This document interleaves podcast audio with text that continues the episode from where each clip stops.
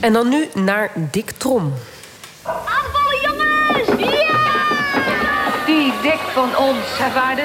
Het is een bijzonder kind. En dat is hij. Ja, een stukje uit de kinderserie over Dick Trom. Die guitige goedzak met al zijn kattenkwaad. Veel mensen, van een bepaalde generatie vooral, kennen Dick Trom. Maar over zijn bedenker Johan Kievit is veel minder bekend. En dus werd het tijd voor een biografie... geschreven door achterkleinzoon Tom van der Lee. Welkom. Ja, dankjewel.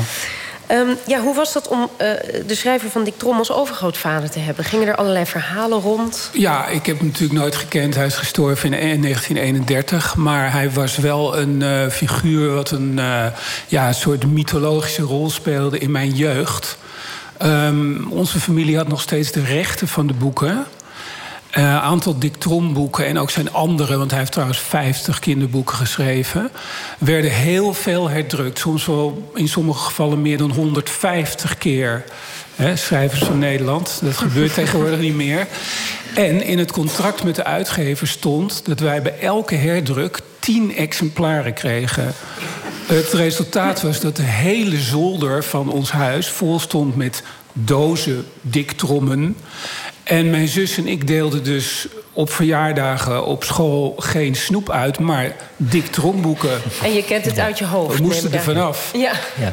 Je, je, je, familie is van je moeders kant, geloof ik. Ja, van mijn moeders kant. Had, had, zij nog verhalen over de schrijver? Ja, want zij heeft hem zeker nog gekend. Um, zij ging als uh, schoolmeisje tussen de middag altijd bij haar opa eten. Want uh, ze wonen er vlakbij. Dat we, inmiddels woonde hij in Wassenaar. Hij is begonnen als straatarme tiende kind van een, uh, een timmerman in een hut in de Haarlemmermeer. Maar toen woonde hij inmiddels in een villa in Wassenaar. Dus hij was als schrijver succesvol, maar ook financieel. Um, en mijn moeder heeft hem dus goed gekend. En ja, vertelde dat hij aan de ene kant een uh, ontzettend lieve, goedige man was. Um, aan de andere kant was hij natuurlijk ook een, een beroemde Nederlander. Hè? Dus uh, hij wist zich ook te laten gelden als het moest. Ja, hij was schoolmeester, als ik me niet vergis. Ja, toen niet meer, maar in het begin. Maar ja. ach, de, ja. Dat, daar heeft hij zijn eerste boterhammen mee verdiend, zullen we maar zeggen, voor het gemak. Hoe kwam hij aan die figuur Dick Trom? Dat, dat verzin je toch niet? Of verzon Nee, dat heeft hij ook niet verzonnen. Um, hij is geboren in Hoofddorp. Daar is hij dus opgegroeid. En een van zijn schoolvriendjes was een uh, heel dik jongetje. Die heette Dirk Buurman.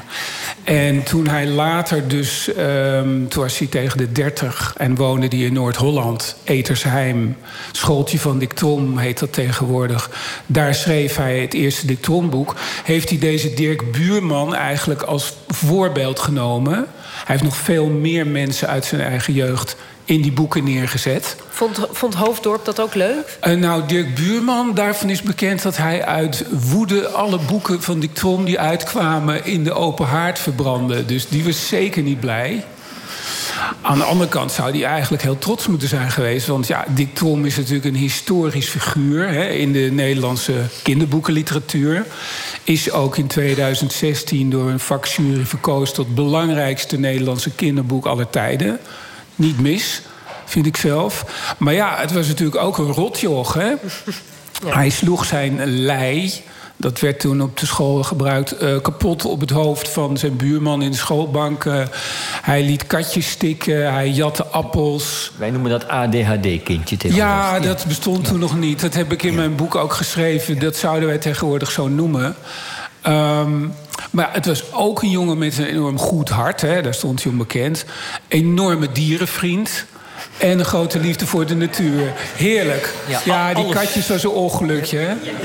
En, en, was Dick Trom nou direct een succes toen hij het schreef? Nee, het was een volledige flop. Uh, mijn overgrootvader had al twee eerdere boeken geschreven. Want hij was een ambitieuze man. Hij droomde al als kind van schrijver worden. Net als ik trouwens. Um, die eerste twee boeken zaten nog helemaal in die traditie van... in een kinderboek moet een braaf kind ten tonele worden gevoerd...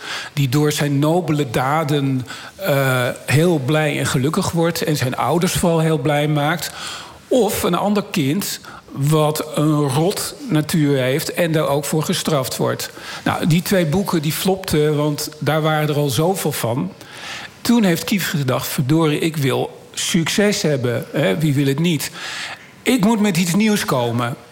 En toen kwam hij op het geniale idee, vind ik echt... om te gaan luisteren naar de kinderen in zijn eigen klas. Waar die het over hadden, hoe die praten, wat ze grappig vinden... en ook wat ze na schooltijd deden. Dus hij ging ze ook volgen bijna, hè, van wat voor kattenkwaad halen die kids allemaal uit... En eigenlijk nog slimmer vond ik. Um, dat ging hij vervolgens voorlezen in de klas.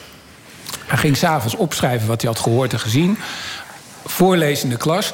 Alles waar de kinderen niet om lachten, werd meteen geschrapt.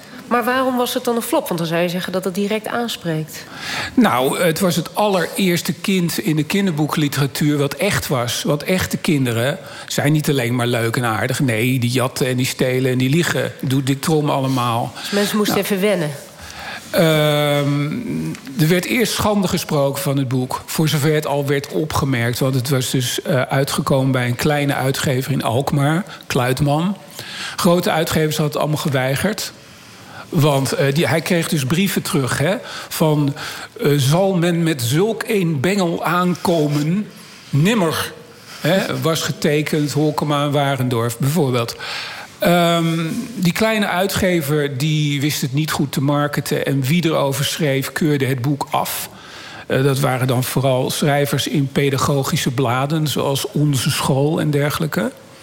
En toen kwam Kiefiet met het geweldige idee om er illustraties bij te voegen.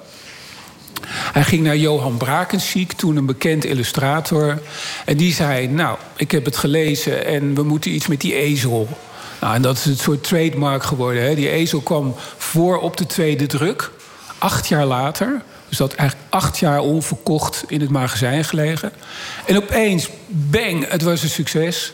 Dus die ezel heeft alles gered? Die illustraties, want ja, hij heeft gewoon een aantal hele geinige illustraties gemaakt, die Brakensiek. Die honderd jaar later nog steeds ongewijzigd, ja, bij de honderdste druk, nog steeds diezelfde illustraties. En mag ik jou een gewetensvraag stellen? Ja, uh, Pietje Bel of Dick Trom?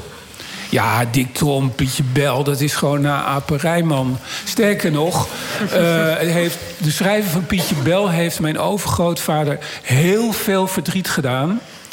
Omdat uh, eigenlijk toen Pietje Bel twintig jaar later uitkwam, navolger, er zo'n rel ontstond over dit soort qua jongens waar Kifi toch de grondlegger van was...